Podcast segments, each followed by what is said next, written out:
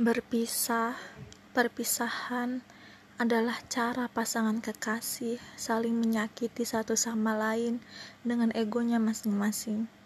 Kenapa? Apakah puas setelah melakukannya? Enggak kan?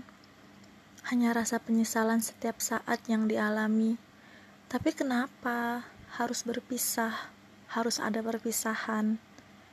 Banyak yang bilang kita nggak cocok, sering berantem. Pokoknya banyaklah hal-hal yang membuat kita tidak dalam sepemikiran yang sama.